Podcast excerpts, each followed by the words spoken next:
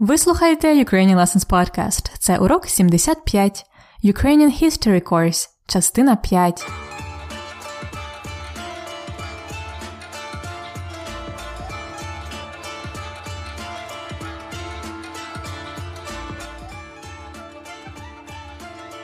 Привіт! Це Анна, ваша вчителька української.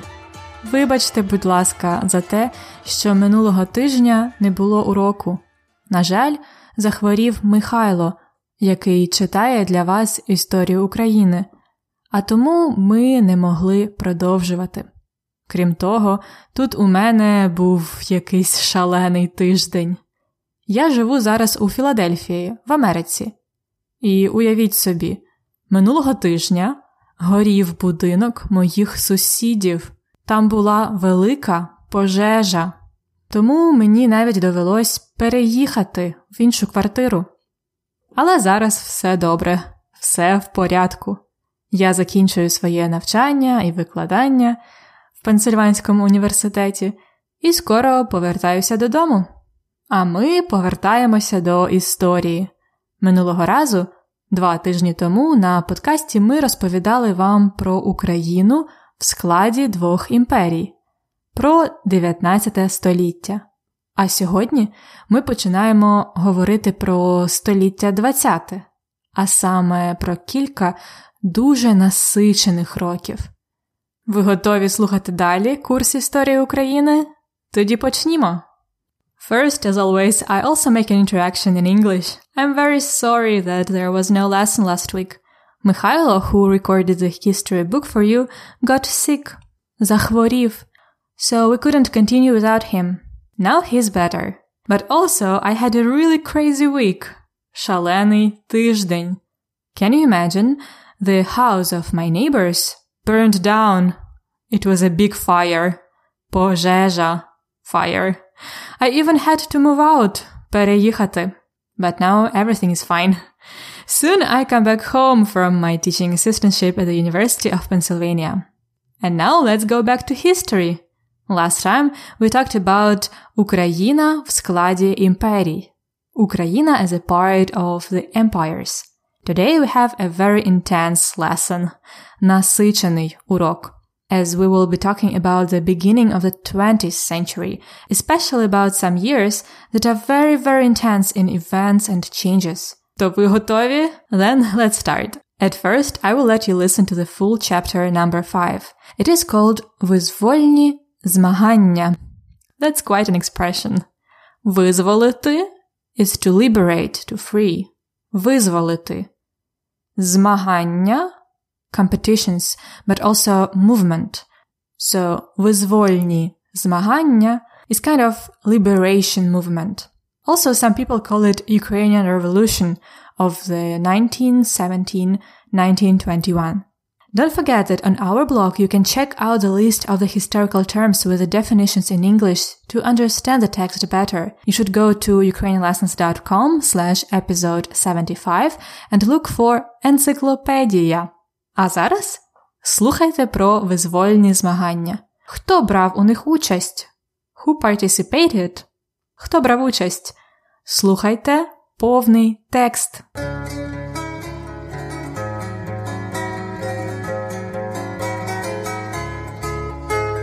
Короткий курс історії України. Частина 5. Визвольні змагання 1917-1921 років. Під час Першої світової війни українці були змушені битися один проти одного, оскільки Російська імперія була в складі Антанти, а Австро-Угорська імперія Троїстого Союзу. Війна послабила і змінила обидві імперії. У лютому 1917 року в Росії відбулася революція. Владу царя було повалено. Україні запанував хаос. Це дало шанс лідерам українських організацій та партій створити свій орган влади Українську Центральну Раду. Її головою став український історик Михайло Грушевський. У листопаді 1917 року в Росії вибухнула нова революція, внаслідок якої владу захопили ліві радикали більшовики. Тоді виникнула Українська Народна Республіка, і вже в грудні між українцями та більшовиками розпочалась війна. В умовах військової агресії у січні 1918 року Українську Республіку було проголошено незалежною. Щоб зупинити більшовиків, українські лідери вирішили укласти договір з Німеччиною та Австро-Угорщиною. У результаті німці підтримали військовий переворот в Україні, і владу захопив генерал Павло Скоропадський. Він оголосив себе гетьманом і встановив диктатуру. Противники гетьмана, переважно соціалісти, об'єдналися та створили свій орган директорію Української Народної Республіки. Вони організували селянське повстання проти Скоропадського, і в грудні 1918 року його владу було повалено. Тим часом мешканці Західної України, скориставшись послабленням австрійської держави, також проголосили власну державу Західноукраїнську Народну Республіку ЗУНР. Проте на територію Галичини претендували поляки, які після Першої світової війни змогли відновити власну державу. Вибухнула польсько-українська війна. У січні 1919 року сталася символічна подія. Керівники директорії та ЗУНР оголосили про злуку, тобто об'єднання обох частин України УНР і ЗУНР. Проте воно залишилося на папері. Насправді дві країни залишалися окремими, а їхні лідери так і не змогли домовитися про спільні дії. Період 1919-1920 років був надзвичайно важким. На Україну наступали то більшовики, то білогвардійці на чолі з Антоном Денікіним. До того ж в Україні з'явилися анархісти під керівництвом Нестора Махна, які не визнавали жодної влади. Директорія була вкрай слабкою. Її лідери, зокрема Володимир Винниченко та Симон Петлюра, мали геть різні бачення зовнішньої політики в Україні.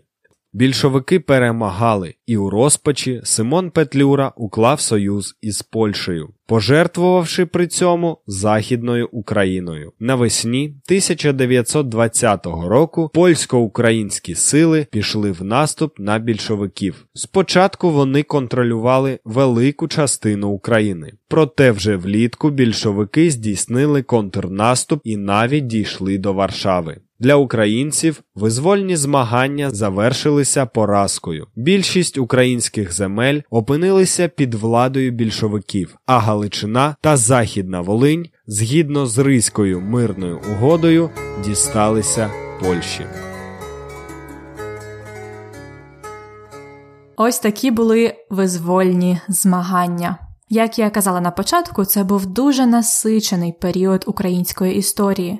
А тепер ми будемо слухати ще раз маленькі частинки, і я буду пояснювати вам деякі моменти. Частинка перша. Слухайте, які були наслідки Першої світової війни? Наслідки consequences. Які були наслідки Першої світової війни?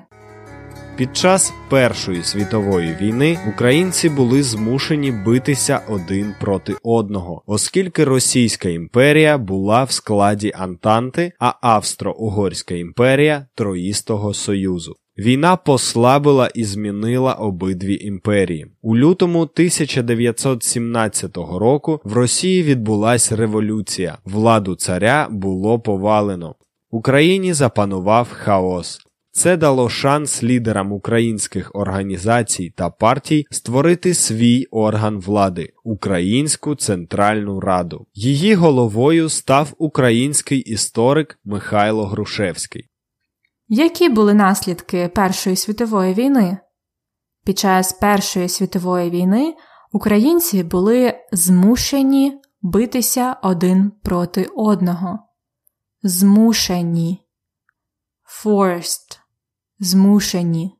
Вони були змушені битися один проти одного. They were forced to fight with each other. Оскільки, бо Російська імперія була за Атланту, тобто Англію, Францію, а Австро-Угорська імперія, тобто Західна Україна, були за Троїстий Союз. Тому після війни запанував хаос. Chaos, хаос запанував prevailed. Після війни запанував хаос. Це дало шанс українцям створити свій орган влади.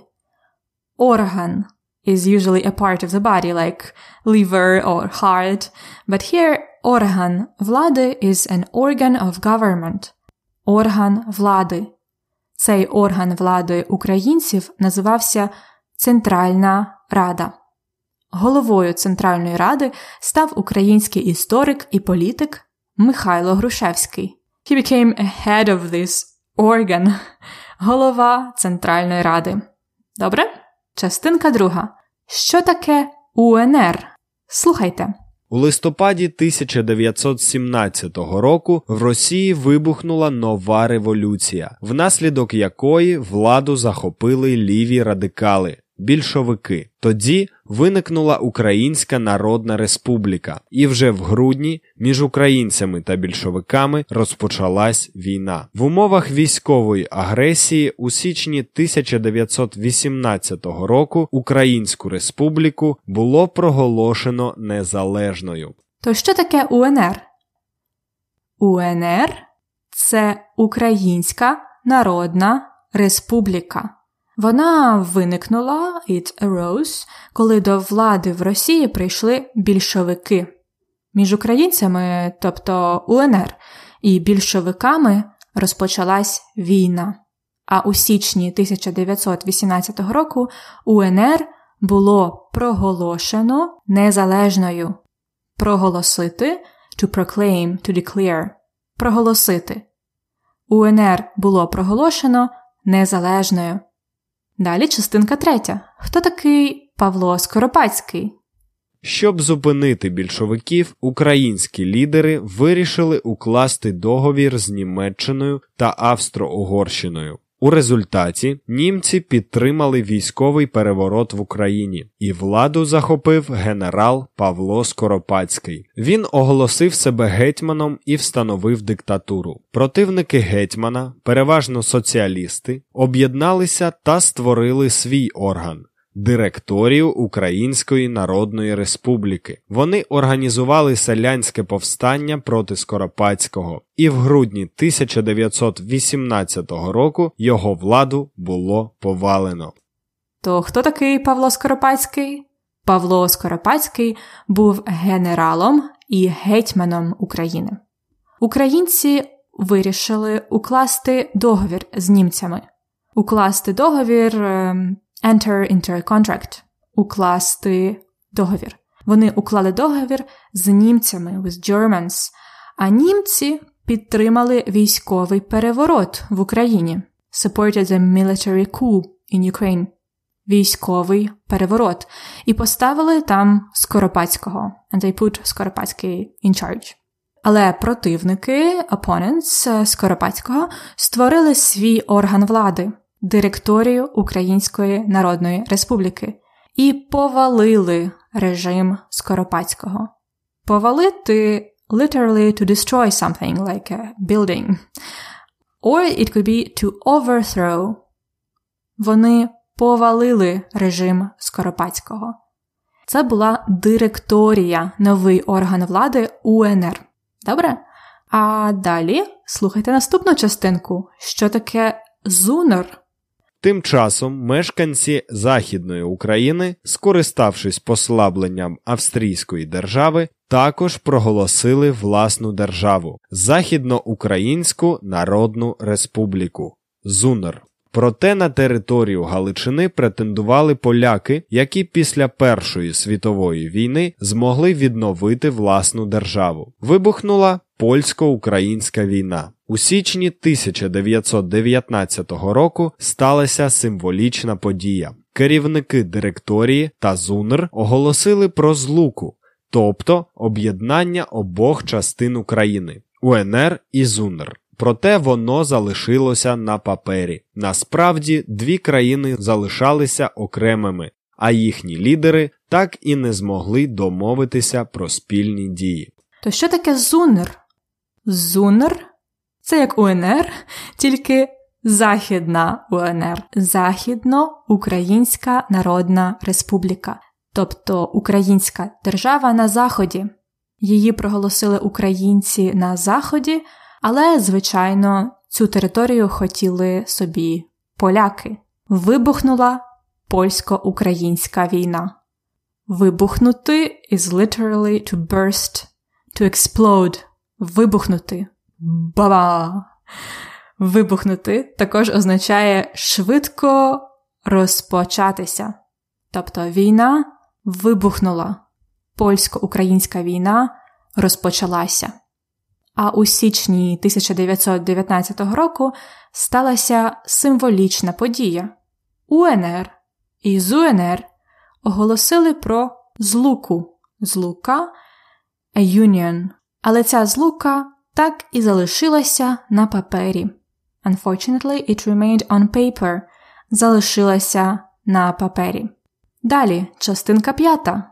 Хто ще, крім більшовиків, хотів українські території? Хто хотів українські території? Період 1919-1920 років був надзвичайно важким. На Україну наступали то більшовики, то білогвардійці на чолі з Антоном Денікіним. До того ж в Україні з'явилися анархісти під керівництвом Нестора Махна, які не визнавали жодної влади. Директорія була вкрай слабкою. Її лідери, зокрема Володимир Винниченко та Симон Петлюра, мали геть різні бачення зовнішньої політики в Україні. То хто, крім більшовиків, хотів українські території? Це був Антон Денікін, він керував армією білогвардійців, і Нестор Махно. Він був анархістом. У нього була анархічна організація. З іншого боку, була також директорія. Пам'ятаєте, директорія УНР. Але Володимир Виниченко і Симон Петлюра це лідери директорії, мали геть різні бачення зовнішньої політики в Україні. Геть це те саме, що дуже або зовсім дуже. так? Геть. Бачення від слова бачити. Бачення views. Бачення. Зовнішня політика foreign policy.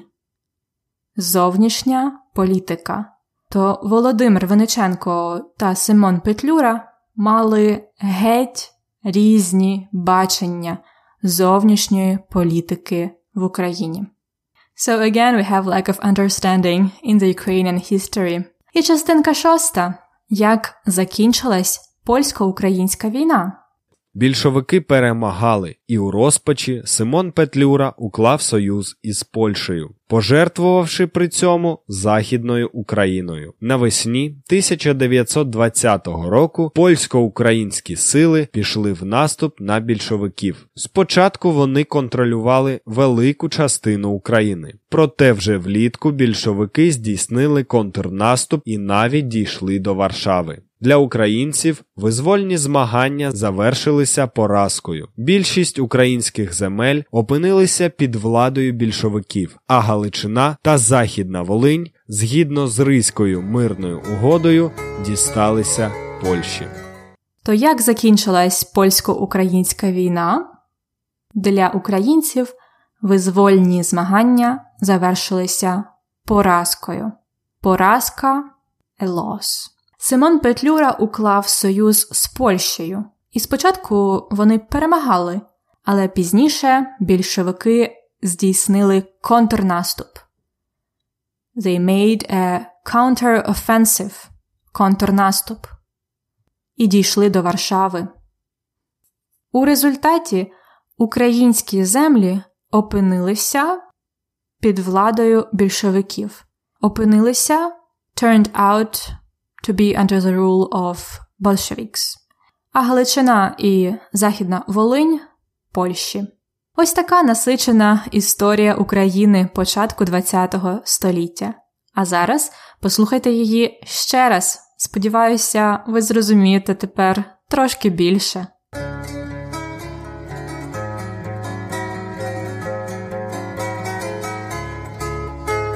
Короткий курс історії України. Частина 5. Визвольні змагання 1917-1921 років. Під час Першої світової війни українці були змушені битися один проти одного, оскільки Російська імперія була в складі Антанти, а Австро-Угорська імперія Троїстого Союзу. Війна послабила і змінила обидві імперії. У лютому 1917 року в Росії відбулася революція. Владу царя було повалено. Україні запанував хаос. Це дало шанс лідерам українських організацій та партій створити свій орган влади Українську Центральну Раду. Її головою став український історик Михайло Грушевський. У листопаді 1917 року в Росії вибухнула нова революція, внаслідок якої владу захопили ліві радикали більшовики. Тоді виникнула Українська Народна Республіка, і вже в грудні між українцями та більшовиками розпочалась війна. В умовах військової агресії у січні 1918 року Українську Республіку було проголошено незалежною. Щоб зупинити більшовиків, українські лідери вирішили укласти договір з Німеччиною та Австро-Угорщиною. У результаті німці підтримали військовий переворот в Україні, і владу захопив генерал Павло Скоропадський. Він оголосив себе гетьманом і встановив диктатуру. Противники гетьмана, переважно соціалісти, об'єдналися та створили свій орган директорію Української Народної Республіки. Вони організували селянське повстання проти Скоропадського, і в грудні 1918 року його владу було повалено. Тим часом мешканці Західної України, скориставшись послабленням австрійської держави, також проголосили власну державу Західноукраїнську Народну Республіку ЗУНР. Проте на територію Галичини претендували поляки, які після Першої світової війни змогли відновити власну державу. Вибухнула польсько-українська війна. У січні 1919 року сталася символічна подія. Керівники директорії та ЗУНР оголосили про злуку, тобто об'єднання обох частин України УНР і ЗУНР. Проте воно залишилося на папері. Насправді, дві країни залишалися окремими, а їхні лідери так і не змогли домовитися про спільні дії. Період 1919-1920 років був надзвичайно важким. На Україну наступали то більшовики, то білогвардійці на чолі з Антоном Денікіним. До того ж в Україні з'явилися анархісти під керівництвом Нестора Махна, які не визнавали жодної влади. Директорія була вкрай слабкою. Її лідери, зокрема Володимир Винниченко та Симон Петлюра, мали геть різні бачення зовнішньої політики в Україні. Більшовики перемагали, і у розпачі Симон Петлюра уклав союз із Польщею, пожертвувавши при цьому Західною Україною. Навесні 1920 року польсько-українські сили пішли в наступ на більшовиків. Спочатку вони контролювали велику частину України, проте вже влітку більшовики здійснили контрнаступ і навіть дійшли до Варшави. Для українців визвольні змагання завершилися поразкою. Більшість українських земель опинилися під владою більшовиків, а Галичина та Західна Волинь згідно з Ризькою мирною угодою дісталися Польщі. А тепер тест. Дайте відповіді на три запитання про цей період історії. Говоріть свої відповіді вголос. Запитання 1. Хто не був у складі Центральної Ради? А. Михайло Грушевський, Б. Павло Скоропадський, В. Володимир Винниченко. Хто не був у складі Центральної Ради?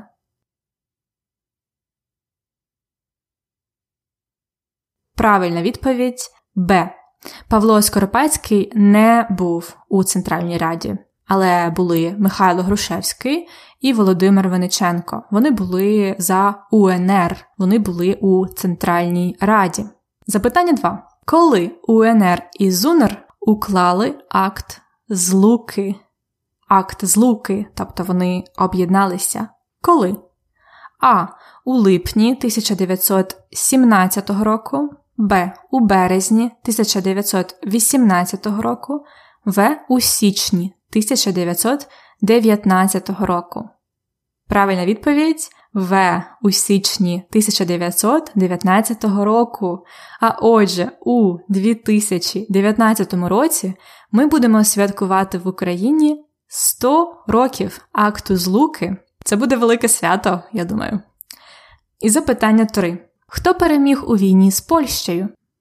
Хто переміг у війні з Польщею? А. Більшовики. Б. Українці. В. Поляки. Правильна відповідь А. Більшовики перемогли у війні з Польщею. На жаль, українці не перемогли. As always, you can find much more practice as well as a word list and the transcription in the lesson notes of the today's episode.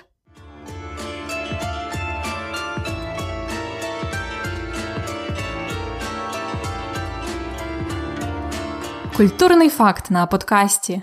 The more we proceed with history lessons for you, the more we understand how difficult it is to talk about the Ukrainian history very briefly. The years 1917 to 1921 were very intense and complicated. You might have even got lost in all the sides and wars.